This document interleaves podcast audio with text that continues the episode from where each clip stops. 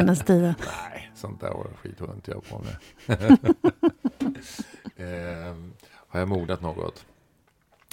Eh, ja, men jag, till skillnad från vissa av våra gäster, mm. eh, har ju en känsla av att det finns en slags mognadsprocess som jag känner av mellan varven. Eh, det, det behöver inte betyda att det är några stora förändringar. Mm. Men i det lilla så kan jag känna att jag tampas mindre med olika större grejer. Då, eh, om man säger så. Vi lever ju under den här pandemin fortfarande. Och eh, jag trodde att jag var immun tills jag nu för några veckor sedan blev sjuk. Och mm. ganska rejält faktiskt. Mm. Eh, eh, och rejält, då ska man ju ändå ta det med modifikation. Därför att det, det, det var som en ordentlig influensa. Mm. Eh, och det i sig, där fanns också någonting av att bara acceptera läget. Mm. Eh, som, som jag tycker är eh, en slags mognad. Eh, det fanns ingenting att göra än att bara acceptera att Eh, och att, att, att, att det också fanns vissa konsekvenser av influensan då såklart. Att vissa jobb, eh, inte minst, eh, frös in eller sköts upp och så vidare. Eh, och egentligen så fortsätter den här processen hos mig därför att jag är inte riktigt kurant mm. ännu. Liksom. Jag är inte riktigt frisk. Eh, jag har inte covid eh, längre. Mm. men jag är lite trött. Jag är lite rosslig. Mm. Så här fortfarande. Eh, och framförallt är det den här tröttheten. Mm, jag känner igen det. Ja, det gör det. Mm. Ja. Och där handlar det också om för mig, om jag ska lägga över det här på, eh, på mognaden. Då, alltså, är det också att acceptera och också och i acceptansen faktiskt eh, våga vila. Mm. Eh, att det finns någonting i vilan. Eh, eh och då pratar jag inte nu om meditation som är min grej. Liksom, utan, utan jag menar verkligen vila. Att mm. lägga sig ner och blunda. Eh, det är viktigt, känner jag nu. Eh, för att återhämta mig. Mm, mm. mm. Jag hade och faktiskt också liknande mantra. Fick jag också covid och hela familjen stängdes in i hemmet också massa jobb som eh, jag var tvungen att avboka som var inplanerade sedan länge. Ja, jag kanske inte uttryckte det så, men det var precis våga vila. Mm. Nu, nu är det så här. Mm. Att eh, istället för att bli orolig eller börja kompensera eller hitta andra vägar, så bara nej, nu är det så här. Ja. Jag kommer ingenstans. Utan bara passa på och bara vara och vila. Just det. Mm. Eh, lite kognitiva eh, nedsättningar kanske. Jag skulle på ett möte i, häromdagen. Eh, skulle ta mig från Kungsholmen där jag bor till Slussen ungefär. I vanliga fall går jag, men jag orkade inte så jag skulle ta mm. bussen. Sätter mig på, brukar ta trean då. Upptäcker vi NK att jag inte alls har satt mig på trean, utan var 54. Så tänkte, vad konstigt, jag hamnade i Kungsträdgården. Oj. Och så kliver jag av och tänker jag, mm, 76an borde gå här. Den går ju till Slussen. Så jag springer eh, hela Kungsträdgården för att hoppa på 76an som jag får syn på. Tills jag kommer upp till Slussen och där det slår mig, nej men den stannar ju inte i Slussen, den stannar ju Medborgarplatsen. Men då gick jag faktiskt fram till chauffören och sa ursäkta, jag är helt snurrig, jag går på fel buss. Jag vet att du inte stannar i Slussen. Men är det möjligt att göra ett undantag? Ja. Absolut, sa han. Oh. Och så stannade han på Hornsgatan precis innan han svängde in i tunneln. Tack, busschauffören. Ja, det var ju flott. Det var väldigt flott. Ja. Mm. Så länge, precis, ibland så kan man ju tycka att det är Eh, glömmer man bort varför vissa regler finns. Att det kan finnas en trafikfara att stanna var som det helst. Men, det, det är klart det gör. Ja. Det är klart man inte får. Ja. Men det är rätt skönt när det finns en sån form av kreativitet. Tycker jag. ja. Eller självständighet, jag vet inte. Men det var härligt. Men annars har jag nog utmanats lite i min mognad mm. den senaste tiden. Att... Eh, det uppstod en situation i mitt liv som gjorde att jag blev um, Ja, men blev nog lite... Vad ska jag kalla det för? Lite, ja, kan, kanske rädd. Mm. Eh, och upptäckte, eller det vet jag ju, men jag kunde ännu mer konstatera att när du blir rädd, då blir du inte särskilt smart. Mm. Utan när du blir rädd så vill du bara fly fältet Mm. eller undvika eller eh, gå till attack, konfrontera, sätta gränser. Eh, men man är inte så bra, jag är inte så bra på vila när jag blir rädd. Ehm, och det händer ju saker. eh, det kan vara saker med, i relationen eller med barnen eller som gör att man går i, i affekt. Mm. Mm, och det gjorde jag. Så det har varit en väldigt, väldigt träning för mig att vara i den där oron, Mm. om man kan kalla det för oro eller rädsla, Mm.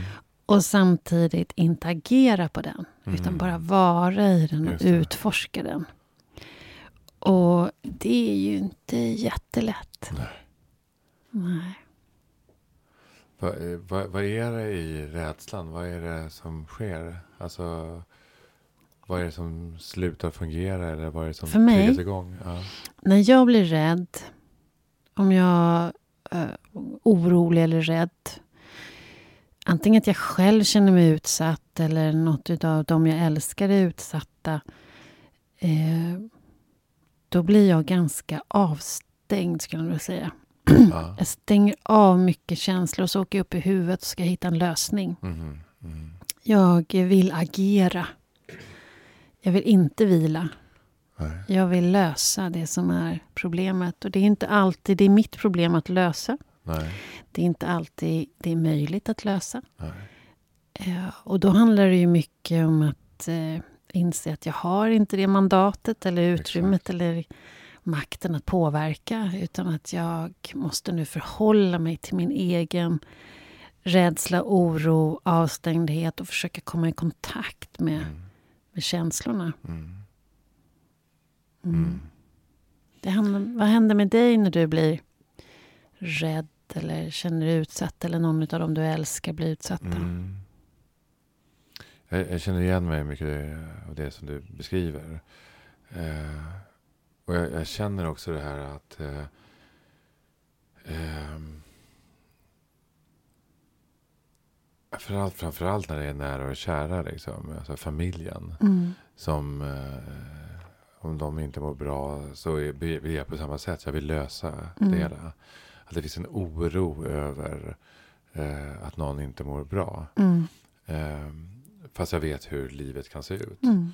Eh, och att det ibland så är det ju faktiskt så att, att hjälpen stjälper ibland. Verkligen. Eh, därför att eh, situationen är inte mogen för Mm. hjälp. Eh, personen kanske inte är mogen för att ta emot hjälp. Utan ibland så är det ju faktiskt så att läkningsprocessen börjar först när den som är utsatt ber om hjälp. Mm. Eh, och då har man en ingång. eh, Mm. Att, eh, och det är ju faktiskt lättare sagt än gjort. Mm. Därför att eh, ibland kan jag känna att jag vill hjälpa till lite för mycket. Mm. Och ibland, det, det, ibland är det lättare tycker jag när det är vänner. Mm. Eh, så därför att där har jag eh, kan jag bara visa att jag finns. Mm. Säga att om, om det finns någonting jag kan erbjuda här så säg till. Mm. Eh, ja. Så, så tror jag det är. Men alltså rädsla är ju också någonting. Det, är det, det slår ju an vissa primitiva eh, delar av mig. Mm. Eh, som, som, där, där det handlar om eh, överlevnad på ett sätt. Liksom. Mm. Så, så eh, grundläggande kan jag känna det i vissa sit- situationer. Mm. Jo, men det kan jag känna igen också. Och sen att vi har ju, jag har ju, och jag tror många med mig, har ju också en tendens att har man blivit rädd så ökar man sin rädsla också. Mm. Genom att man tänker och skapar massa föreställningar och så ökar rädslan ännu mer. Och så produceras det kortisol och adrenalin i Mm. blodet så blir man ännu mer rädd. Så börjar man röra kroppen på ett sätt som gör att man känner rädsla. Och så bara ökar det istället för att Ta ett djupt andetag och bara vila i det som är. Just det. Just det. Så att man har ju också en tendens att jaga upp sig själv Ja. när man blir rädd. Det är, det är många som har sagt det, men eh, nu nyligen så dog ju Björn Natthiko Lindblad. Mm. Eh, och han sa ju att man ska inte tro på sina ta- egna tankar. Mm. Eh, och det, just när det kommer till rädslor så ska man ju faktiskt försöka eh, att inte tro på... Verkligen, Ja, verkligen. för de, de kan ju verkligen ställa till det för en. Ja. Ja. Och i synnerhet när de går på repeat. Mm. När de snurrar runt, runt, Mm. runt, runt. Det är runt. obra. Ja, det är inte bra. Nej, Ja. det är verkligen inte bra. Nej. Men där finns det ju många knep faktiskt att, att hjälpa sig själv när man, när man har hamnat där. Att, att hjälpa sig själv att se sig själv utifrån, att få lite distans till sina tankar. Jag jobbar ju mycket, när jag hamnar där så jobbar jag mycket med min andning. Mm. Nu låter det konstigt där Jag borta hos jag dig. tänkte bara höja mikrofonen lite Ja, grann. är det det du håller på med? Är det obra? Låter det jättemycket nu? För jag Ja, har det inga, låter inga hörlurar. Då, Jättemycket. blir jag, då slutar jag med en gång. Ja, förlåt. Jag får böja mig lite grann istället. Ja. Ehm, nej men det finns ju många sätt, som jag sa då, eh, som lyssnarna hörde då, som inte du hörde, Mm. är ju att det finns många sätt att hjälpa sig själv Ja. när man, blir, när man hamnar där. Ja. Och jag jobbar mycket med andningen då. Ja. Att, eh, ofta att bara iaktta min andning när jag är rädd. ja, Där den ofta är ytlig och snabb. just det. Att försöka flytta den mer i magen och Exakt. få den mer djup. Det Ja. brukar hjälpa mig. Ja. Det är musik för mina öron. eh, eh, vad, vad, är- vad, vad är det här ytlig andning för dig? Vad det är? Ja, vad är en ytlig andning? Vad innebär det för dig? Ja, det innebär... Ja, vad det innebär. Men V- vad är det för något? Ytlig för mig är andning som är i bröstet. Mm. Den är lätt, den är snabb. Ehm, och jag hamnar lätt där. Okej, När jag blir stressad eller nervös eller sådär. just det. Då kan jag, jag kan iaktta det plötsligt och känna, men oj, andningen är här uppe. Ah. Jag vet att min dotter gjorde det någon gång. Gick och la sin hand på mitt bröst eh, vid halsen. Ja. Och sen, oj, nu är din andning här. Ja, just det. Och då brukar jag hjälpa mig själv genom att lägga handen på magen istället. För att leta efter andningen. Ja. Mm, vad är ytlig andning för dig? Det är i princip samma sak. Mm. Eh, Jag tänker på det här med en hand på, bröst, på bröstet. Och jag brukar ofta ligga och vila Mm. med att lägga ena handen, handen på bröstet och andra på magen. Mm. Eh, Det är någon slags eh, lugnande Mm. effekt Mm. som uppstår då. Jag brukar, när jag vilar så brukar jag lägga händerna på hjärtat. Ja, Nästan i kors på hjärtat med hand, handflatorna. Och så, det är faktiskt en jättehärlig känsla. För efter en liten stund när man lägger händerna där så blir man varm. Det är nästan som en omfamning, Ja, nästan som en det. kram. Just Det är det. samma känsla. Och känner man sig lite ensam så kan man lägga händerna där så blir det som en omfamning. ja, just det. Mm. Ja, men det, är- det är ungefär det jag känner hur jag gör också. Fast jag, för mig är ma, alltså, hjärtat för mig, när vi, det som vi pratar om nu. Mm. Det, det klart det finns det fysiska hjärtat och Mm. det, det, det är värt att lägga en hand på. Mm. Men för mig är det också någonting att eh, hjärtat som bild för omhändertagandet. Mm. Eh, och det, då ingår magen. Mm. Liksom, och hela andningen som går ännu djupare än så egentligen. Mm. Ehm, ja, nej, men andningen är ju A och O i, i det flesta meditation, eller i all meditation skulle jag säga. Mm. Men också i eh, egentligen i allting. Alltså vi kan ju inte leva utan att andas. Mm. Eh, och stress är ju eh, det, det är det största hotet mot, eh, mot, mot en bra andning. Mm. Att vi stressar. Och det är så mycket som påverkar när vi stryper vår andning. Mm. Eh, inte minst rösten. Eh, att eh, människor kommer inte ner för problem med, med rösten och hittar inte sin, sin ton. Eh, det finns ingenting som är rätt här liksom. Men man kan däremot höra på en röst som blir när man inte pratar med hela registret. Utan man kniper ihop här uppe vid halsen och man släpper inte ner andningen. Och man mikroandar som jag gör nu. Liksom. Man tar snabba saker och, istället för att liksom gå ner lite grann och ta en paus mellan varven också mm. medan man pratar. Mm. Det, det, det hör man ju ganska mycket. Oh ja. ja.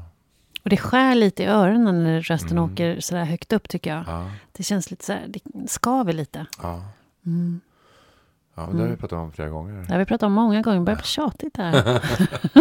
ja, men det är värt att upprepas faktiskt. Mm. Tycker jag. Ja, men jag tänker en, ett tips med tanke på mognad. Det är faktiskt att jobba med sin andning. Mm. För att bara iaktta sin andning. Mm. Jag brukar säga, man hålla på att ha stora ambitioner med att andningen ska vara på ett visst sätt. Men bara mm. iaktta hur den är. Mm. Var har jag den någonstans? Att med, medvetandegöra mm. andningen. Ja, det är första steget. Mm. Och att, att, att det är en hjälp att få syn lite grann ja. på vart man befinner sig. Och det, mm. alltså, när jag jobbar med eh, folks, eh, med andningen, då är det flera saker som, eh, folk som blir yra. Mm. Eh, därför att plötsligt så får de, eh, syresätter de sig själva på ett sätt mm. som de inte är vana vid. Mm. Eh, och det är rätt intressant. Vi har en gäst. Ja, och det är inget fel på hennes röst. Nej, det är verkligen är inget fel på hennes röst. Ja. Det är en fantastisk röst. Ja, hon är från glada Hudik. Ja. Ja, Hudiksvall. Agneta Sjödin. Ja, precis. Ja. Som eh, inte för... Hon kom... Det är ingen som inte, inte vet vem Agneta Sjödin är. Nej. Har vi inte... Vi har sett den i otaliga program. Ja. Och inte minst Fångarna på fortet. Det där har ju du varit med. Ja, där har jag varit med. Ja, hur gick det? Ja, det gick sådär. Det var jättelänge sedan. Alltså. Aha, aha. Men jag tycker det också är så kul hur Agneta Sjödin blev programledare. Mm. Därför hon var egentligen ljustekniker på eh, MTV. Mm. Eller MTV som det kanske heter då. Eh, och eh, det var Adam Alsing som hade ett program som, eh, han skulle starta ett program som, som var Tur i kärlek. Mm. Eh, och massor med eh, folk där på prov och ingen hade funkat. Och då vände sig tydligen Adam Alsing till Agneta som var ljustekniker där. Ja. Alltså belysnings eh, någonting. Och bad henne pröva. Och så blev det en lyckoträff. Mm, det kan man verkligen kalla för. Men hon, ja. är, hon är mycket i tv, men hon är också författare. Ja, hon har skrivit massor med böcker. Nio böcker. Nio böcker ja. ja. Och den sista heter samma sak som hennes podd. Mm. Så in i själen. Ja, precis. Mm. Och många av böckerna eh, är ju det här med utforskandet ja, av sig själv och vägen framåt. Hon är ju... Ja, men det är innehållsrika och, och spännande böcker. Ja. Men också romaner. Just det. Mm. Men även de har ju någon något eh, andligt eller religiöst mm. eh, sökande i sig också, de här mm. romanerna. Men nio böcker, det är ganska mycket. Det, det är mycket. Ja. Det är en produktiv kvinna vi kommer få träffa. Ja, verkligen. Ja. Eh, du, jag har fått ett sms här och det är... Mm. Jag går ner och hämtar det. Gör det.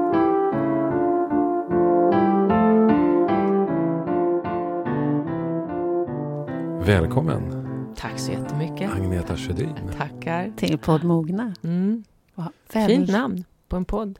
Ja. Mm. Vi brukar börja med en standardfråga. Och den är, har du mognat något på sista tiden? Ja, det tycker jag faktiskt. Speciellt sista tiden sådär. Jag tänker att det kanske var coronan också som vred upp det där lite grann. Eh, och som fick mig att ta nya steg som kändes lite vuxna på något vis. Jag, jag har ju varit i händerna på kommersiell TV och mm. alltid haft jobb sådär. Det har alltid kommit till mig på något vis. Och sen så ställdes jag då inför det här med, med coronan. Det försvann några jobb, de sköts upp och sådär. Och jag hade ju någon idé om att jag ville ha någon form av själsligt TV-program eftersom jag har intresserat mig för den här inre och själsliga resan i över 20 år så tänkte jag men nu är väl tiden ändå mogen, apropå mogen, att göra den typen av TV. Så jag gick och tänkte på det. Men det är också, TV är ju så här långsamt maskineri mm. på många sätt. Och då hade jag kommit på det här namnet så in i själen. Tyckte jag var så himla bra namn. Det mm. kom till mig i duschen bara sådär.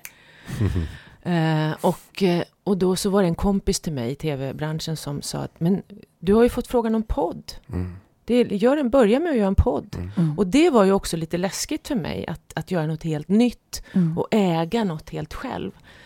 Men så satte jag igång med den där podden, gick ju jättebra och jag bara kände wow, det här är ju så kul. Det här mm. kan jag verkligen, det här kan jag göra gratis. Wow. Vilken respons man får från mm. de som lyssnar i mötet och jag bara kände det här är ju verkligen ringar på vattnet. Det här mm. är ju payback mm. liksom mm. av allt jag har fått till mig under eh, de här 20 plus åren. Så att då blev det det och sen har jag haft mitt författarskap, så skrev jag en bok och jag bara kände att vad skönt, nu börjar jag äga mitt liv på ett nytt sätt och, mm. och kunna styra väldigt mycket mer själv vad jag vill förmedla utifrån vem jag är. Så då kan jag nog känna att det har, det, det har, jag har nog mognat lite extra. Mm. Mm. Det låter som du har erövrat Ja, erövrat lite. Den, erövrat och klivit fram mycket mer tydligt i vem jag är. Mm. För att de flesta som kanske har sett mig på TV, de kanske inte har läst mina böcker. För mm. har man läst mina böcker, då har man nog haft lite koll på vem jag är och mina intressen och sådär. Men, men eh, nu kommer jag ut till en bredare publik med podden. Mm. Om man bara sett mig i TV, då tror jag att man studsar lite om man lyssnar på min podd eller läser någon bok och sådär. Mm. Mm. Och vad är det man studsar på, tänker du? Ja, det fanns ett djup där under ytan. Men det gör det ju hos alla. Mm. Ju, alla har en yta och sen har man ett djup. Och det ser ju olika ut naturligtvis. Men det ska man ju komma ihåg varenda gång man möter en människa. Mm. Att det finns en historia där inne mm. under ytan. Mm. Och ett djup. Mm. Och en respekt för den berättelsen. Ja, ja visst. Mm. Har det varit någonting som du har, jag, vet inte, jag hittar inte bättre ord än lidit av? Att du, att, att du har trott att människor upplever dig som yt, ytlig? Mm, nej, jag, jag, tror inte att jag har lidit av det på det sättet. Eh, mm, nej, inte som jag kan komma ihåg. Nej. Jag tror också, om jag går längre tillbaka så kanske jag tänkte mer på det. Idag bryr jag mig väldigt lite i vad andra tycker och tänker och säger. Jag har också mm. blivit mycket bättre på att fokusera på det jag gör och det jag brinner för. Att inte hålla på snegla så mycket och bekymra mig så mycket. Mm. Sen gör ju inte jag så där vansinnigt mycket som sticker ut. Så det, eh, jag är inte så extrem liksom, i mm. min person, tänker jag. Så det, jag har inte så många troll efter mig. När du säger så att eh, ja, men jag bryr mig inte så mycket längre, utan mm. jag väljer det jag vill och det jag tror på. Nu var det mitt ord tro på, men mm. när kom det? Men jag tror att det kommer med åldern också väldigt mm. mycket. Nu är jag ju 54, fyller 55 i sommar. Så att dels så tror jag det. Eh, det är ju väldigt skönt. Det tror jag att, eh, om det är Hjalmar Söderberg som har sagt det. Det är något citat som jag har använt i ett par böcker. Att det är skönt att bli gammal, att vara ung, vara förjävligt. Mm. Och, och, det stämmer ju så bra. För det, mm. och framförallt att vara ung idag tror jag är rätt ja. tufft och utmanande. Mm. Men så att någonstans så känns det, det, det, det, det liksom, man faller in i ett annat lugn. För man har varit mm. med om så mycket. Och man har mm. liksom, det är inte så mycket som förvånar en eller för, man, inte så mycket man förfasas över mm. heller.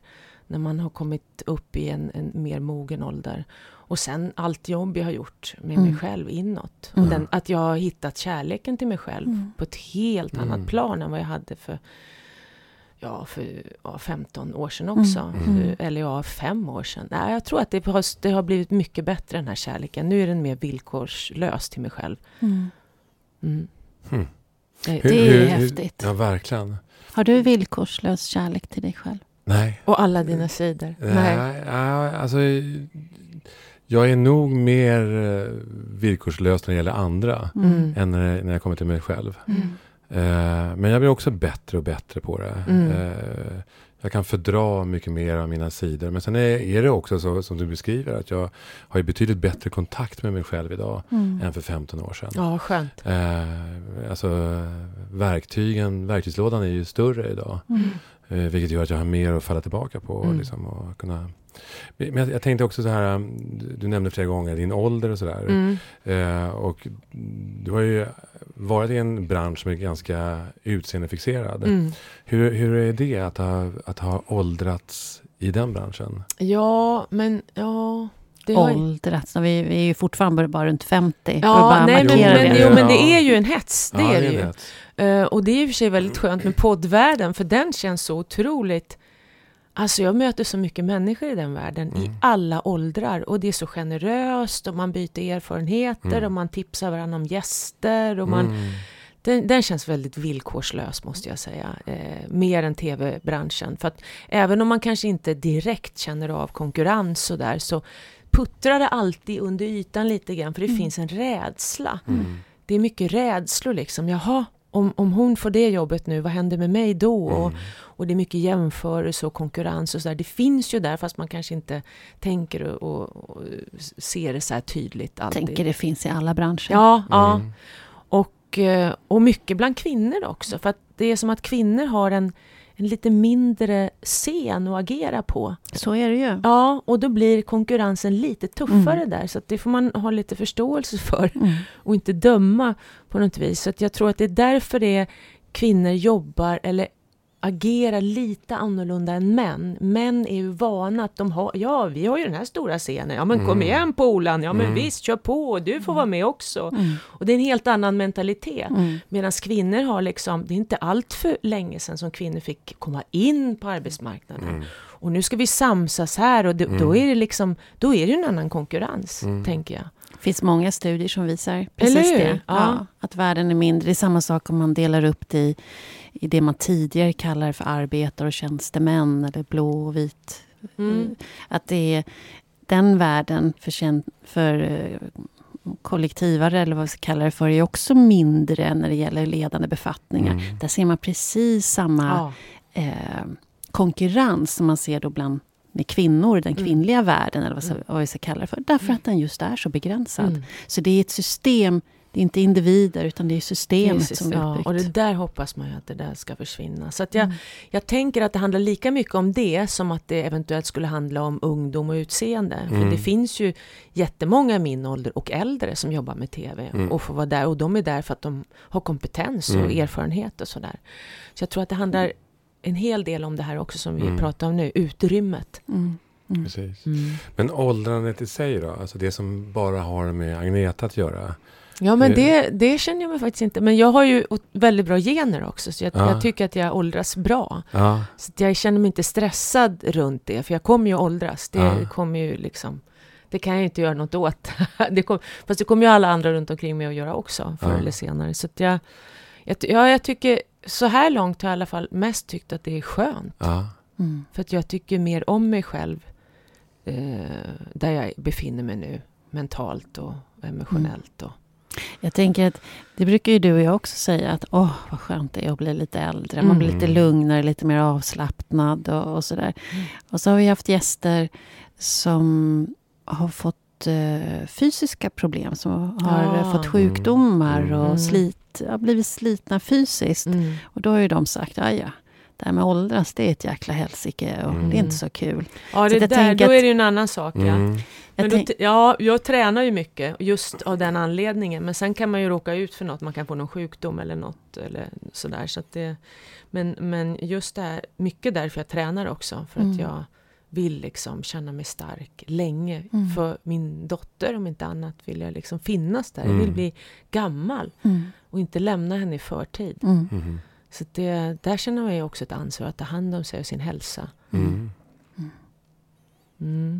Mm. Ni Mm. har ju också barn så ni får ju tänka Du får låta Mm. dig inspireras av din son. Som Ja. är så. Han ringer hela tiden med sina program som han lägger upp. Men tränar du också? Inte sådär som du. Jag har ju sett dig på TV hur mycket du tränar. Ja, nej men det var ju ett program jag var med Men Ja. jag, jag tränar väl styrketräning kanske tre gånger i veckan. Och Oj. sen går jag varje dag. Ja, men det gör jag också. Mm. Och du är väl ute mycket med din Ja, hund i ja, skogen? verkligen. Jag, är, Du älskar ju det. jag älskar Jag har det. sett några klipp när du pratar med din hund. Det tycker Ja. jag är så gulligt. Ja, kul. det gör jag ofta faktiskt. eh, men Pratar man- med honom. Ja, men det, Ja. man älskar ju de där. Ja. Finns det något mer intelligent och klokare än djur? De bara finns där liksom med sin... Mm. ah, energi. Mm. Du har också en hund, eller hur? Nej, min dotter Din har en har hund som är stor. Ah. Och det var så jag lärde henne att förstå verkligen det här med energier. För vi har pratat mycket om det, liksom. Att vad man sänder ut är liksom det man får tillbaka och sådär. Och, så, och då har hon märkt det väldigt tydligt på sin hund. För att om hon är stressad och någonting, då märker hon det på Gibson. Om hon Ja, är absolut. cool och så, då är han cool. Ja. Så att där har du sånt tydligt bevis Ja. på det här med energier. Ja. Han plockar upp allt. Och djur är mycket bättre på det. Ja. Mm. Mm. Så det känner du säkert också in. Absolut, absolut. I synnerhet har det varit så här för mig att, att lämna Sevi ensam. Mm. Eh, då eh, sätter det igång en stress i mig en halvtimme innan jag ska lämna honom. Ah. Eh, där jag känner, och det är helt uppenbart att då är han så här, vad händer nu? Ah. Är, är det någonting på gång nu alltså? Ska du gå? Är det det som är på gång? Mm. Och nu när jag då har eh, mediterat på det här, eh, eh, på att liksom, jag måste lära mig att ta det lugnt liksom, Ja. och bara sätta mig ner och snacka Ja. med jycken. Mm. Så är det en helt annan grej. Mm. Han är Mm. helt soft. Visst är det intressant Ja. att få så tydliga bevis Ja. för någonting. Ja, Det är häftigt. Ja, det är verkligen häftigt. Mm. Ja, Fast men inte bara djur skulle jag vilja säga. Jag, jag som jobbar med att leda människor i olika rum och faciliterar. Mm. Det är precis samma sak med människor. Mm. Ja. Det, det är, man Men människor är lite bättre på att dölja. Man, kan inte, man, man, man ser det så tydligt på djur tycker jag. Mm, mm. Människor kan ju hålla upp en fasad på Oh, ett annat ja. sätt än Ja. vad Oh, ja. djur gör. Mm. Djur är ju som barn på det Mm. viset. Mm. Väldigt Men, ärliga. men det ändå, du känner ju ändå energin Ja, ja. när den går ner. Och det bara, Mm, ja, det kan man ju göra. Jag brukar göra så när energin går ner i rummet. Jag säger, det här, är, det här går inte, det här är alldeles för tidigt. Negativa tankar får ju ofta att energin går ner. Mm. Då tänker man Mm. så här, nu sitter de där och känner det här kommer aldrig gå. Oj, Mm. vad dåligt det här är. Vad det gör här du blir då inte då? bra. Då kör jag in godiset. Är godis. Då börjar du jonglera. Liksom. Tar det lite energi och så har jag några minuter där på och, och vända det. Ja. Mm. Det brukar funka. Men då är du ju du är väldigt inkännande också. Ja, men ja. Mm. Det kräver att man är det kanske också. Mm. ja det är nog... Det är häftigt. Mm. Men du, jag tänker när, när du berättar att eh, ja, men du har landat tryggare i dig själv och så.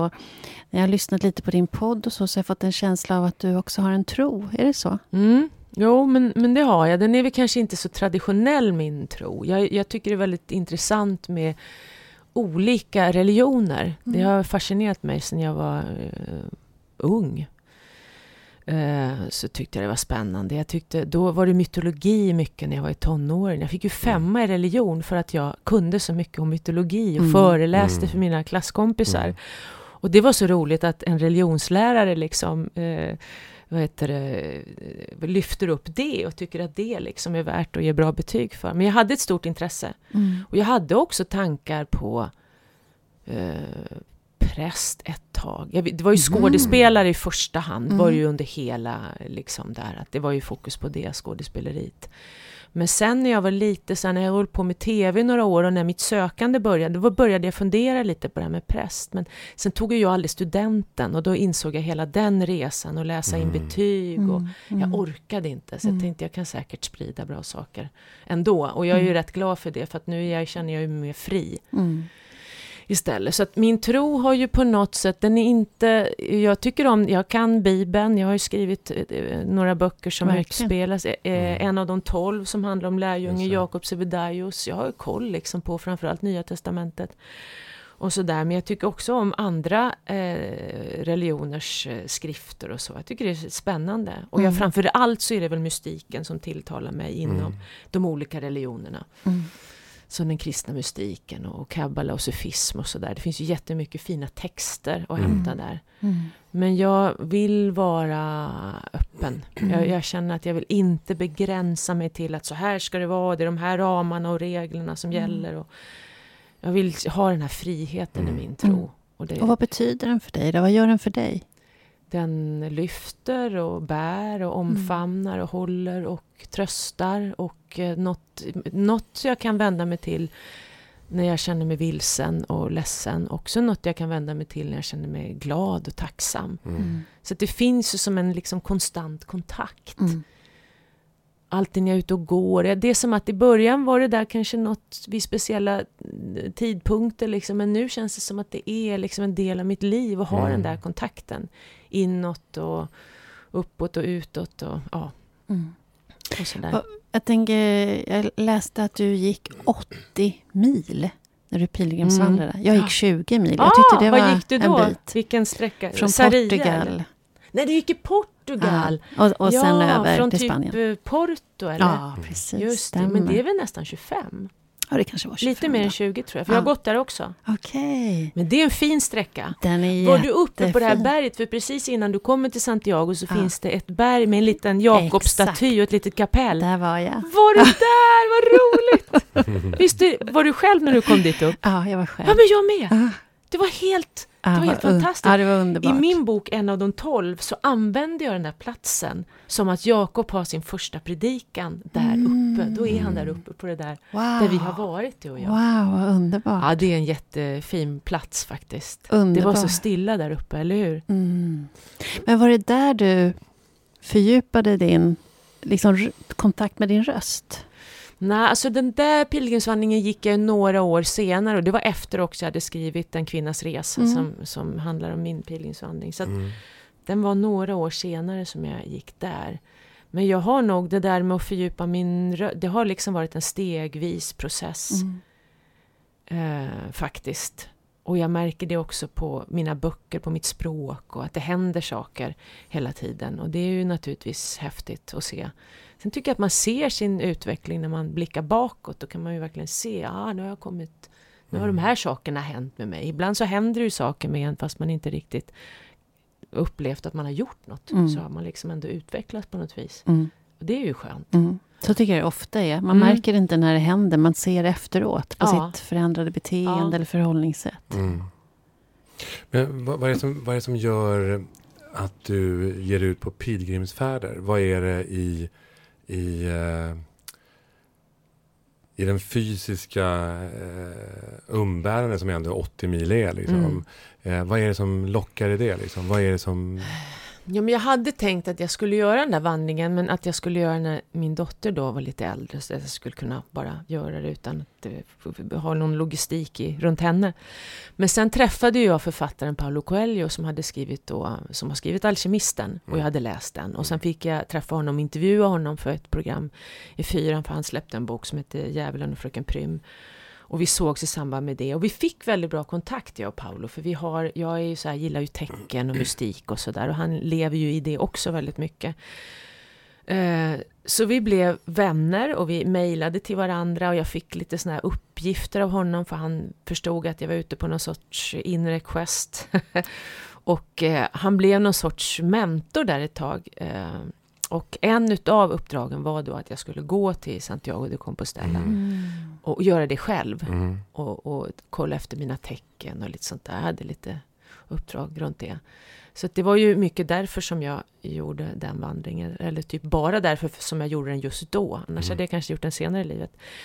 Men och att gå så där långt. Sen har jag ju det här liksom, jag är ju skogshuggardotter från Hud- Hudik. Jag har ett Mm. pannben efter pappa. Så att när jag väl gör någonting, då blir jag väldigt Mm, fysisk. Då mm. vill jag liksom, ja nu ska jag du vet, då, och då gick jag väldigt långt varje dag och Mm. var liksom väldigt målfokuserad. Efteråt har jag tänkt på det, att jag ofta hamnar i det här målfokuserade och missar lite grann det här med att det är vägen som är målet, som man pratar väldigt mycket om när man Just gör det. en pilgrimsvandring. Och där försöker jag bli bättre på att, för livet är ju också vägen som är målet. Just det. Eh, och inte ha för bråttom mot att dö. Mm. Nej, men man måste ju leva och vara, vara lite, ta hand om livet och njuta av det och ha så kul som möjligt. Jag, tycker Där jag, försöker jag bli bättre. jag tycker också det där är svårt. Min pappa brukar ofta säga till mig, vila i stegen. Ja, Mm. vad klokt. Och, och det brukar jag också, det hade jag som mantra där Mm. också när jag gick, att, att vara i stegen. Men Mm. det är inte lätt alltså. Nej. Det är en det form av meditationsteknik också. Att, eh, en gående meditation. Ja, de är ju sköna. Ja, väldigt skönt. Och det är ju pilgrimsvandringen faktiskt på ett sätt. För Mm. att det händer ju saker när man går. Mm. Man kanske inte reflekterar så mycket över det för liksom, förrän på kvällen. Sådär. Man, man bara går ju, men det är ju en process. Man går, man bearbetar ju Mm. saker faktiskt när man går. Upplevde du det också? Mm. Oh ja, Mm. oh ja. Men jag som inte har gjort en sån sorts Du kanske kan göra det med din hund?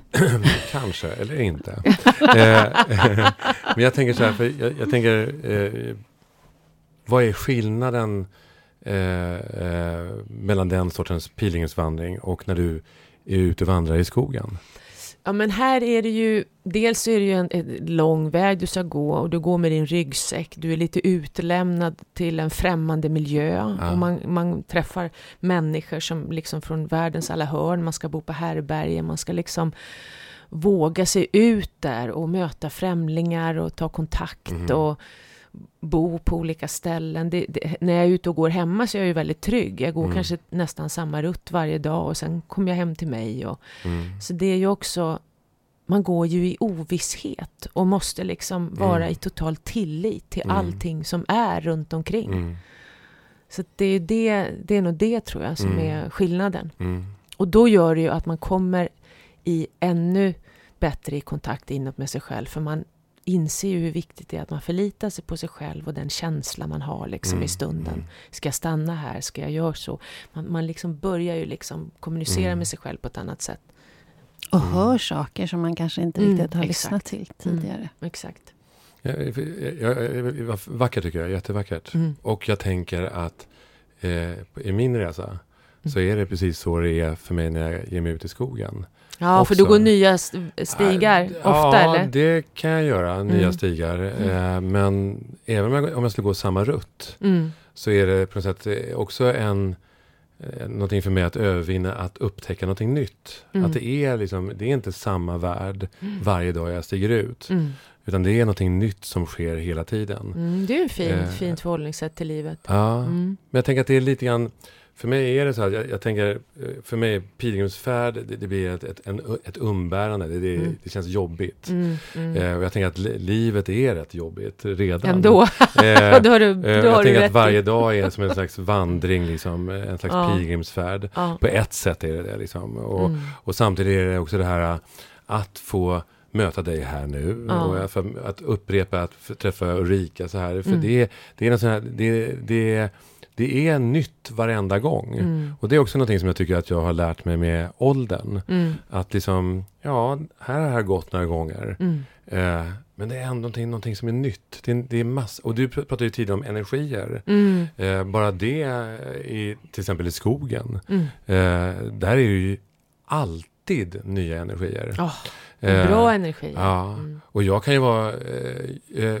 jag, jag, jag, använder inte det ordet. Du använde ett ord tidigare. Jag har lovat mig egentligen att aldrig mer använda det. Men, eh, Vad var ja, det? flummigt. Eh, sorry, jag tror vi, innan ah. vi tryckte på. Ja, eh, ja det använder jag ju sällan också. Ja, för flummigt är inte så flummigt längre. Nej, men det är inte det. Eh, för mig kan det vara så här, om jag går vissa sträckor i en skog, mm. så kan jag komma till en sten mm. som är så här, nej men tjenare. Det är liksom, det är liksom en polare liksom som, ja. som är där och då kan man, vad har det? Jo, men stenen har ju också en energi liksom. Ja, vad fint eh. att du eh. säger det. Jag hade verkligen, när jag var liten, ja. eller så här, du vet, 12, 10, 12, då hade jag en sten i skogen ja. som jag satt på och typ pratade med den här stenen. Mm. Ja, visst. Det var, det, men det här, så det var så roligt att du säger det. Du ska se min uh, jag har ju ter terroriserat dig lite grann Jag får bilder på stenar och jag, svampar och gräs och lite... Vad roligt! En, ja. en träd eller något. Ja. ja. Vad roligt. Ja. Ja, det är ju upptäcka världen varje dag. Men har det alltid varit så för dig att du vill vara ute i skogen eller har det blivit mer på, på nej, senare alltså, tid?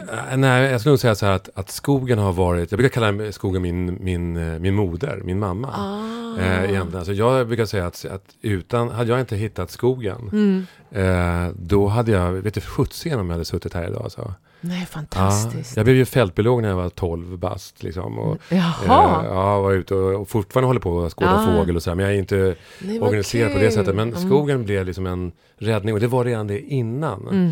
Eh, men då var det dungar och du vet, mm. det, den skog man kunde hitta när man mm. är född på Söder. Liksom. Mm. Ja, men så är min pappa är ju så. Han älskar ju skogen. Ah. Du vet, han, han älskar, men han har ju jobbat i skogen sedan han var typ 14, 12 till och med. Ah. Men när han var 14 då fick han sin första egna häst. Ah. Då jobbar man ju med häst liksom. Och avverkade och han har ju så mycket berättelser från ah. skog. Men han är sådär, ibland kan han bara längta efter att gå ut i skogen och lägga sig under en gran och ah. sova. Han, han har sån kärlek till ah. skogen. Mm. Så att jag för, förstår det, det, mm. det är ju häftigt. Mm. Och just när det gäller det där att, att eh, komma till ro. Mm. Alltså att lägga sig under en gran och, och slagga en stund. Eh, det är ju alltså det, det, är den bästa terapi Ja. du kan få. Ja, ni, både pappa och du höll ju på med skogsbad långt innan det ens blev en trend.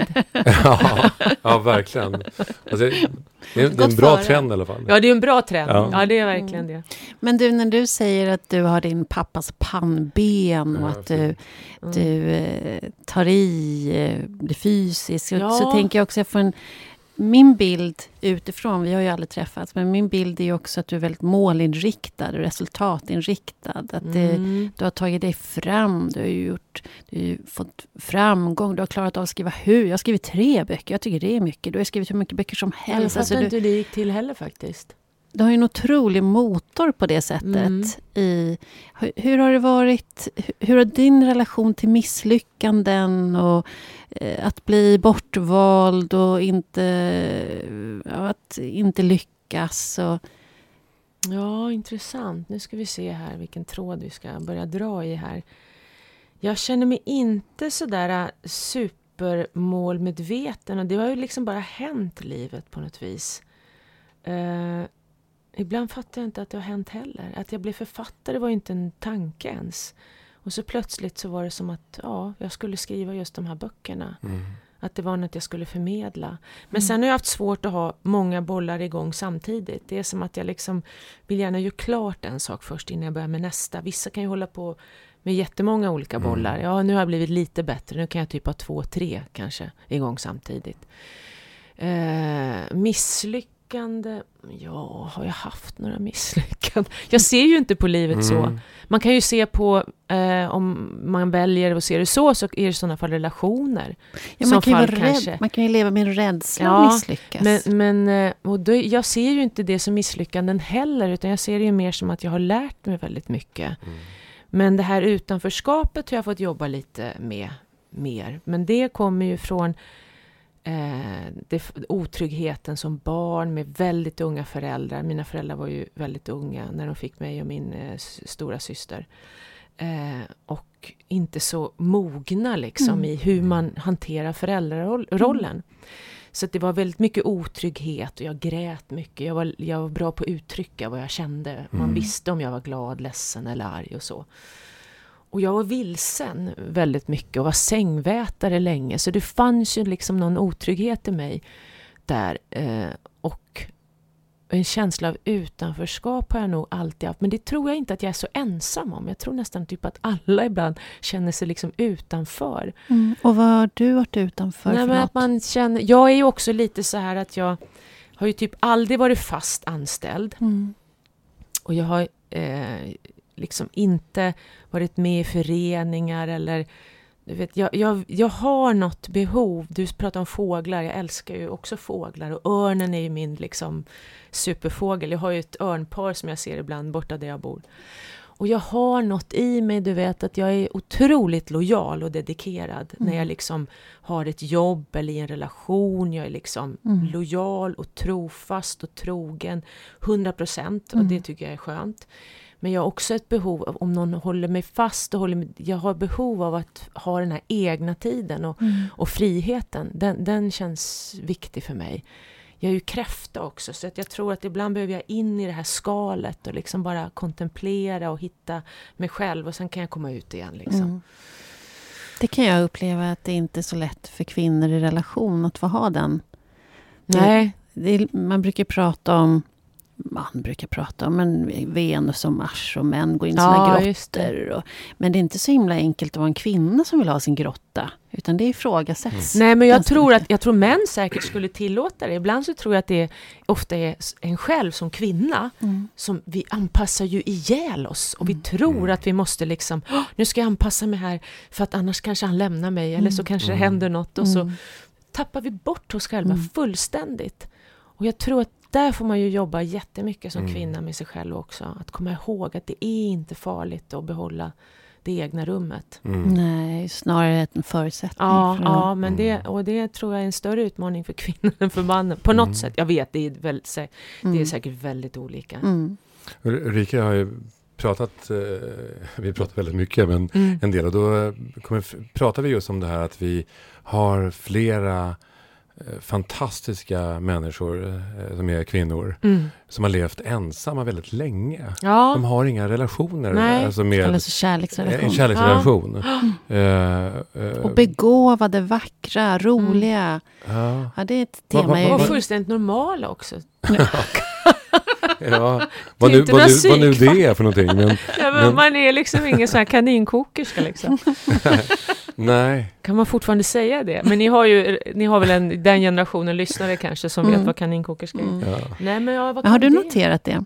Ja, jag har gjort det eh, faktiskt. Och, eh, men ja, det är svårt för mig att veta. Det är ju så här lite grann då. Oftast är det ju då kanske starka kvinnor som väljer det här lite grann. Men, ja, vänta, hur ska vi... Jag tänker ibland att starka kvinnor är ju också sårbara. Så det kan ju va- ibland vara så där då att man kanske träffar någon man som ser en som väldigt stark. Mm. Och så visar man också en sårbar sida där man vill bli omhändertagen. Och där kan det nog krocka lite grann. Mm. Men ja, jag Sökte en kvinna och fick en människa. Det finns många sådana teman i... Ja, ja, men det, litteraturen. ja, men Ja. och sen är det också det att jag trivs ju väldigt bra i mitt eget sällskap. Mm. Mm. Så att ska jag träffa någon, då ska det ju verkligen vara någon som jag känner att ja, men det här tillför något. Det här Mm, känns, mm. det här känns riktigt Mm. bra. Vad kul jag har med Mm. den här personen. Och vad, vad mycket gemensamma värdegrunder vi har. Vad, vad, vad vi vill samma saker. Vi drar Mm. åt samma håll. Då blir man ju mer som ett team. Mm. Och då blir det kul. Mm. Men för mig är det så här, ja, dels är det ju ganska svårt att träffa någon för jag är ju typ aldrig ute.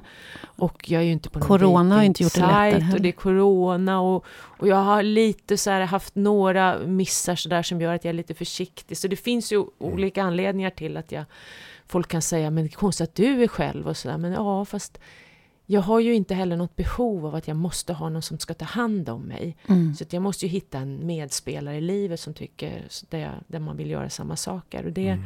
kommer väl när det kommer. Jag, Det är jag, klart det gör. Men jag, just det här med att det är så många, i alla fall i Stockholm, jag vet inte hur det ser ut i övriga Det landet. är nog mer i Stockholm säkert ut, än ute på landsbygden. Det är ju kan så... jag tänka mig. Bo, jag tänker att vi, vi, om man tittar på kvinnorollen och mansrollen, så, så är vi inte riktigt i fas, Nej, tänker jag. det är ju något skifte på något vis nu. Det är ett det ju skifte. definitivt. Det finns eh, det är skillnad på män i generationer. Mm. Mm. Det är, och, och kvinnor som grupp, inte som individ, men som grupp har jobbat ett- rätt länge Mm. med att ta mark, få utbilda sig, få, få chefsjobb, få mandat, få bli Mm. självförsörjande och så vidare. Mm. Och det har inte riktigt hun, alltså, Jag tror Mm. att det är, vi har problem här att mötas Mm. som grupp, Mm. alltså i då kärleksrelationer. Ja, ja, och det där hoppas man ju att det ska bli någon sorts förändring ändå och att det sker med generationer, att det blir ett mer ett samspel. Mm. Eh, att, att män och kvinnor blir bekväma i ett samspel, inte att det är något hot. Liksom. Mm. De här olikheterna som ändå finns mellan män och kvinnor, för Mm. de finns ju där. Mm. Vi är ju, lite, vi är ju helt olika funtade. Mm. Bara i hjärnan liksom så här att män är i sina olika boxar liksom, medan kvinnor är all over the place liksom, hela tiden samtidigt. Mm. Så att, men att man liksom kan finna liksom att det är en, eh, något, eh, det, det gynnas, att man liksom kan samarbeta med olikheterna. Mm. Hitta det sättet. Mm. Det tänker jag att det kommer att komma. Mm. Jag hoppas Det är det. förändringstid. Mm. Därför du, du, när du pratade om relation så sa du jag har inget behov av att någon ska ta hand om mig. Men jag älskar ju relationer också, Ja, så jag, jag är ju inte sådär att nej, jag ska inte ha någon man. Jag, absolut, Nej. jag älskar ju liksom passion och romantik och närhet. Jag är ju kräfta, jag älskar ju att kramas. Min pappa är väldigt fysisk, jag har ju växt upp med det liksom. Så att det är inte det. Det är inte det att jag liksom, men det jag vet ju också, man vet ju kanske lite mer när man blir lite mer mogen vad Mm. man vill ha. Och det är ju Mm. både på, på gott och ont lite grann. det där med att man, ja, man kanske blir lite kräsen med åldern. Jag tänker man, också det. Ja, det är ju så att Man kanske man skjuter sig själv i kräsen. foten lite grann. Mm. Mm. Jag tänker, det var någon gång en, en killkompis sa till mig att, att eh, det är så märkligt det där med kvinnor. Alltså jag kan ju träffa en, en kvinna som jag bara tycker är fantastisk. Mm. Och jag ser allt som är bra. Sen klart, det finns säkert nackdelar, men jag ser allt det fantastiska. Ja.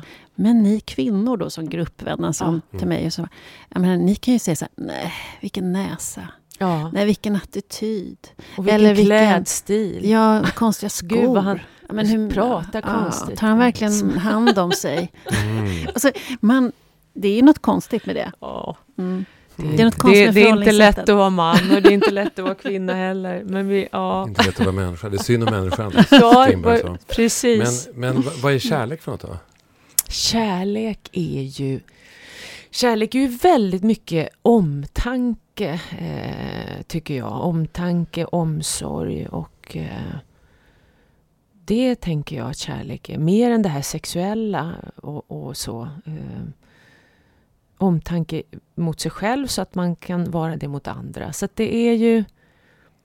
Det är ju tillstånd man, man eh, väljer att försätta sig på något sätt som är bortom rädslor. Och då kan man ju befinna sig i kärlek. Och ibland så faller man ner i den här rädslan och börjar tvivla och Mm. ifrågasätta och sådär. Men, men kärleken som, som grund är ju den här tryggheten och omtanken och omsorgen om sig själv och allting runt omkring. Och att vila i någon sorts tillit i, i den där kärleken, Mm. tänker jag. Mm. Mm. På något sätt. Mm.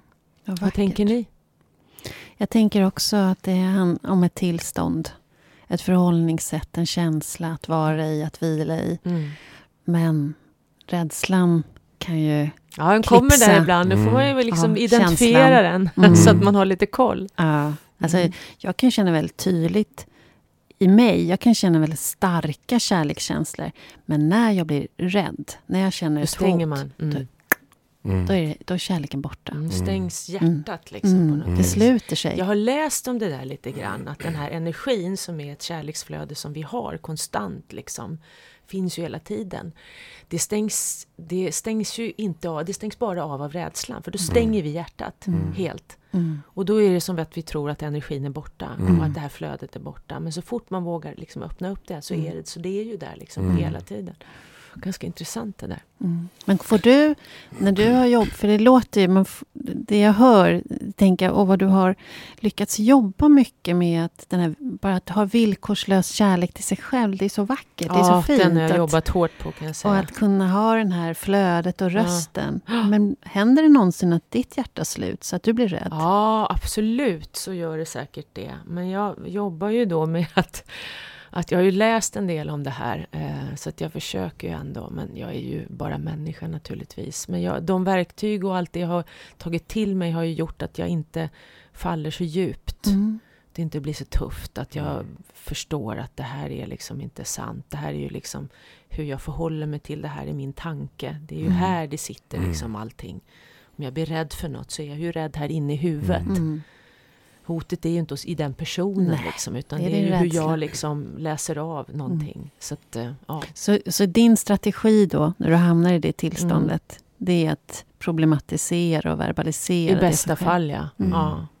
Och ibland hinner jag inte med och då dras jag med ner i den där spiralen. Och då, så fort man har liksom börjat tänka de där felaktiga tankarna, Mm. då, då bygger ju de fler sådana tankar. Och så kanske man är där nere ett tag, men så går det över efter ett tag också. Mm. Man har någon klok vän man kan prata med och sådär. Mm. Jag, jag läste om, det finns ju precis som vi har, hjärnan är uppbyggd på neuro, neuroner, eh, så är, har vi ju det i hjärtat också. Mm. Eh, och de, de styr ju hjärtat. Det är inte så att hjärnan styr hjärtat, utan det finns neuroner i hjärtat. Så att det här med hjärtats röst är rätt häftigt. Och det här Mm. forskar de på. Jag läste om det här, Mm. det var några år sedan. Jag vet inte om de har kommit längre med det. Men så man ska ju lita på hjärtat eh, mycket. Vad häftigt. Ja, jag får hört. kolla där. Det var någon forskare på något Oxford University. Jag skrev ju en bok som heter Från hjärtat och så tror jag att jag kollade upp det där lite grann. Mm. Så det är ju liksom kraft i hjärtat också. Ja, och jag tror att det är bland de viktigaste verktyg vi har att lära oss. Mm. Här f- för oss, för varandra, för världen. Hur vi möter varandra. Att den här rädslan, jag tror vår värld överlag har alldeles för mycket rädsla. Och rädsla smittar ju. det Ja, också, finns ju ja, ja. också forskning på. Mm. Att Absolut. är, finns det en av oss här inne som blir väldigt rädd, Mm. då blir de andra rädda också. Mm.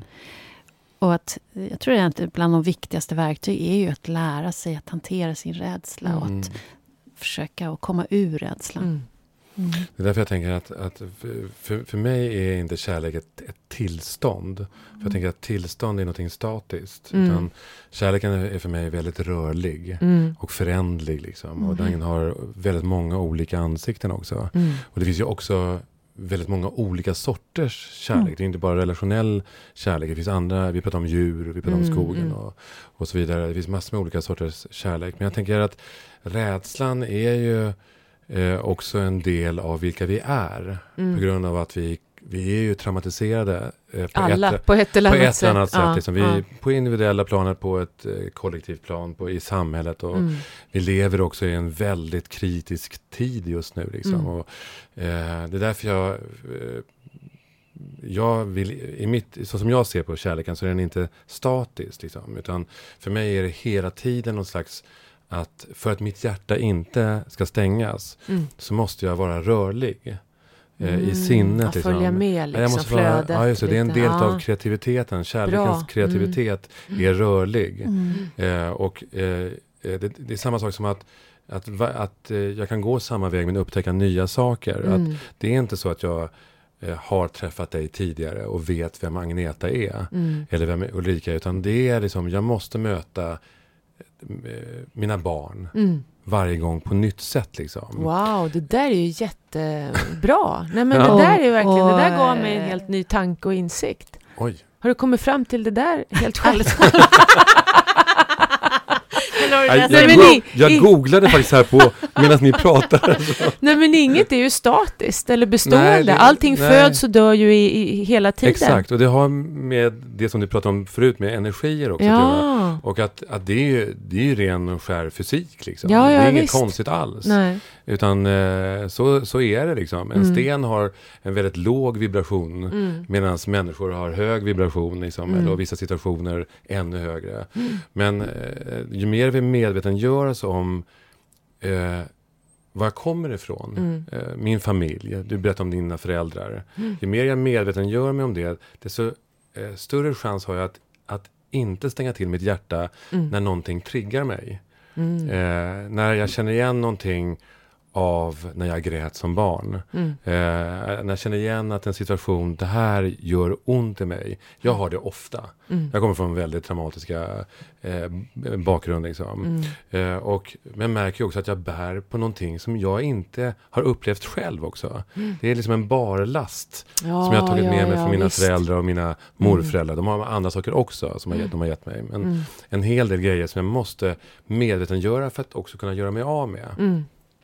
Och där är ju det här att, att försöka se till att, att inte bli... bli eh, jag, jag, jag är rädd. Mm. Eh, alltså det ingår ju också i en form av intelligens faktiskt. Mm. Att Mm. vara rädd emellanåt. Mm. Men den här onödiga rädslan, den försöker jag att, eh, att och också som man faktiskt, det här i och med att, vi, att jag är uppvuxen i en tradition av hur en man ska vara. En man ska Mm. ju inte vara rädd. Eh, att Nej. faktiskt bara visa att Nej, men nu, jag är livrädd, eller jag är väldigt rädd. Eller nu känner jag mig osäker. Eh, ofta ger det bra respons. Inte alltid Nej. faktiskt. Det kan också det? skapa Nej, väldigt Nej, oro. nej, ger det inte bra respons. Nej, när någon annan känner sig eh, hotad eller känner sig... Alltså, man kan säga, vadå, kan någon känna sig hotad av att du säger att du är rädd? Ja, faktiskt. Mm. Är det så? Alltså, Mm. andra, I vissa sammanhang så kan det vara så här att folk kan känna sig pro- provocerade av att jag som man eh, uttrycker att jag, nej men det här, det här vill jag inte gå in i. Eller Mm. det här vågar jag inte eh, möta på samma sätt. Det här, jag måste gå backa här några steg. Mhm. Eh, ja, det är inte alltid att det Intressant. faller i god jord. Nej. Jag tror det där är jättevanligt. Jag tror att det inte alls är alltid så härligt att möta någon som är rädd.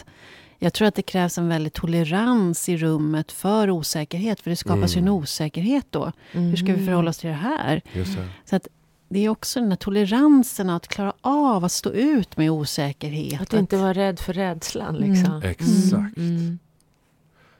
Och jag, jag, det som du sa förut också, så här att, eh, att varje människa har en historia. Mm. Att eh, vi tror att vi möter, att vi vet vem vi möter hela tiden. Men Mm. vi, vi, vi gör inte det faktiskt. Nej, nej. Utan det är rätt mycket liksom som vi eh, kan bli rätt överraskade över. Mm. Om vi bara tillåter situationen att få, få eh, vet du det, eh, uppstå. Ja. Mm. Mm. Ja. Hmm. Det var mycket att reflektera över där som du sa nu, Ruben. Mhm. Vi ska börja runda av. Mm. Mm. Ehm, Ja, vi brukar ju fråga en fråga till de flesta och det är ju vi startar ju den här podden för att vi tror att det är viktigt att mm. vi börjar tänka på hur kan vi hjälpas åt att växa som vuxna mm. av olika, på olika sätt. Och vad tror du, hur skulle vi kunna få ett kollektiv, alltså ett samhälle, oss alla att växa lite mer, utvecklas? Ja, du. Nej, men alltså för mig, mitt ledord har ju varit nu i några år äkta. Jag tycker äkta är ett eh, bra ord. Att våga liksom sprida det mer och mer. Att man först och främst tar reda på lite grann vad som känns äkta för en själv och sen våga stå i den äktheten och tala sin sanning. Ungefär som du berättar nu att Nej, men här känner jag mig rädd, här känner jag mig osäker. Mm.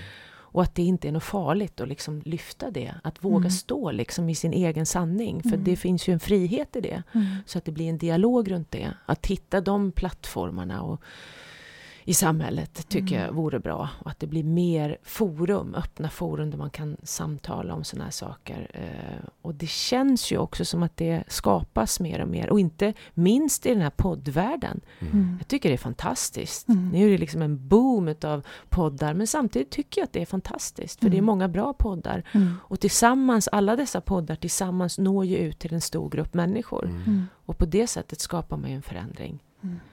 Uh, så det är ju ett sätt mm. naturligtvis som mm. jag tycker är bra. Fler plattformar att mm. mötas och ja, kunna vara äkta och genuina. Ja. Och det behöver de unga människor som ändå växer upp idag för att man kanske jag möter ju väldigt många kloka unga människor, men sen finns det också många unga människor som, som växer upp i fullständigt dysfunktionella miljöer och mm. inte får med sig några som helst värderingar överhuvudtaget. Mm. Mm. Och då känns det jätteviktigt att det finns många forum och plattformar där de också kan få till sig andra tankesätt och idéer än vad de kanske får hemifrån. Mm. Mm. Mm. mm. Tack så mycket ja, för att tack. du kom till Podd Det här var ju ljuvligt att sitta här med er. Alltså. Ja, okay. Vilka mogna och kloka människor ni är. Så fulla av kärlek. Jag är så tacksam att jag fick vara med i er podd. Ja, vi är så glada för att du kom hit. Tack.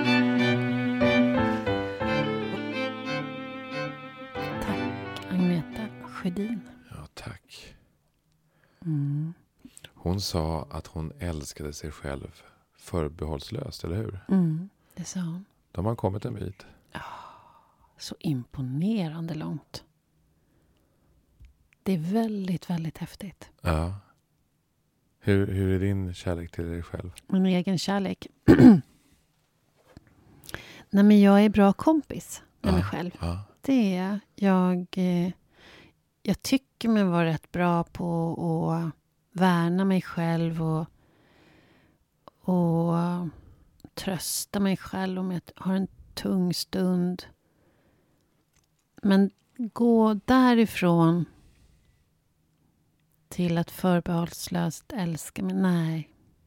Nej, mm. dit har inte jag nått. Ibland så säger man ju så här att om du inte kan älska dig själv så kan du inte älska andra. Mm. Eh, vad tänker du om det? Mm. Jag tror att det stämmer. jag tror att det börjar med att du, du måste känna en värme till dig själv. Men jag är inte säker på att du måste fullt ut ha kommit så långt så att du kan säga att du älskar dig själv för att du ska kunna älska någon annan. Men jag tror att det är väldigt svårt däremot om du är i konflikt med dig själv. Om, mm. du, om du känner självförakt och, mm. och jobbar och fightas med sådana känslor. Då tror jag faktiskt att det är svårt att kunna älska någon annan.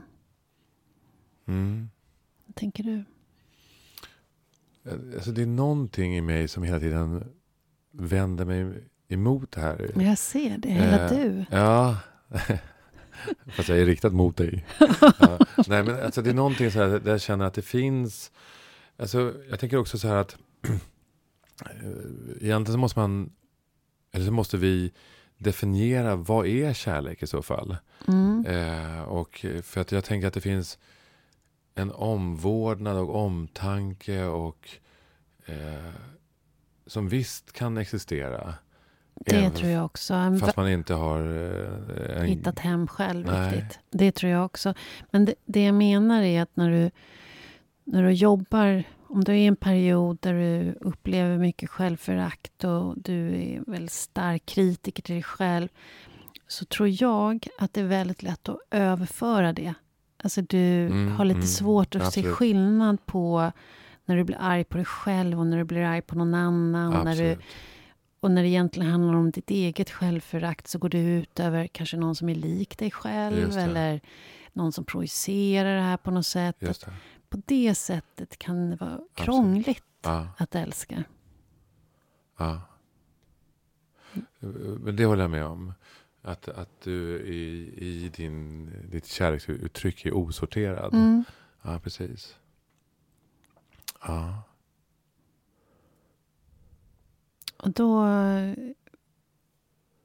tänker jag att då, då får man jobba lite med det. Men, men att man, jag tror ändå att vi alla kan känna kärlek. ja. Det tror jag. Ja. Även om man har en tung ryggsäck och just Ja. under en period jobbar med lite med, eller jobbar mycket med att eh, kanske försonas med saker man har gjort eller att man skäms över saker och är väldigt uppfylld av att vara kritisk mot sig själv så Just tror jag det. ändå att man kan känna kärlek. ja. Det, det tror jag också. Och ibland så kan ju, tänker jag att hjälpen kan ju komma utifrån. Alltså kärleken Ja. Precis som att jag kan, kan, tänker jag då, att precis som att du kan projicera ditt eget självförakt eller skam mot en annan, så kan någon annan projicera sin kärlek på dig. Mm. Alltså att din kärlek kan komma utifrån. Att du, genom att bli älskad så kan du också älska dig själv. Så jag tror det där kan gå alla möjliga Ja, vägar. just det. Så- Det var intressant. mm. Det var väldigt intressant. Att du kan fördjupa kärleken egentligen utifrån och in. Ja, ibland så Ah. tror jag att det är lättare att få känna sig älskad och vara i någon annans kärlek för att kunna upptäcka sin egen kärlek till sig själv. Ah. Så tänker jag. Det, jag vill inte säga någonting mer nu. Det var slutorden. Hej då.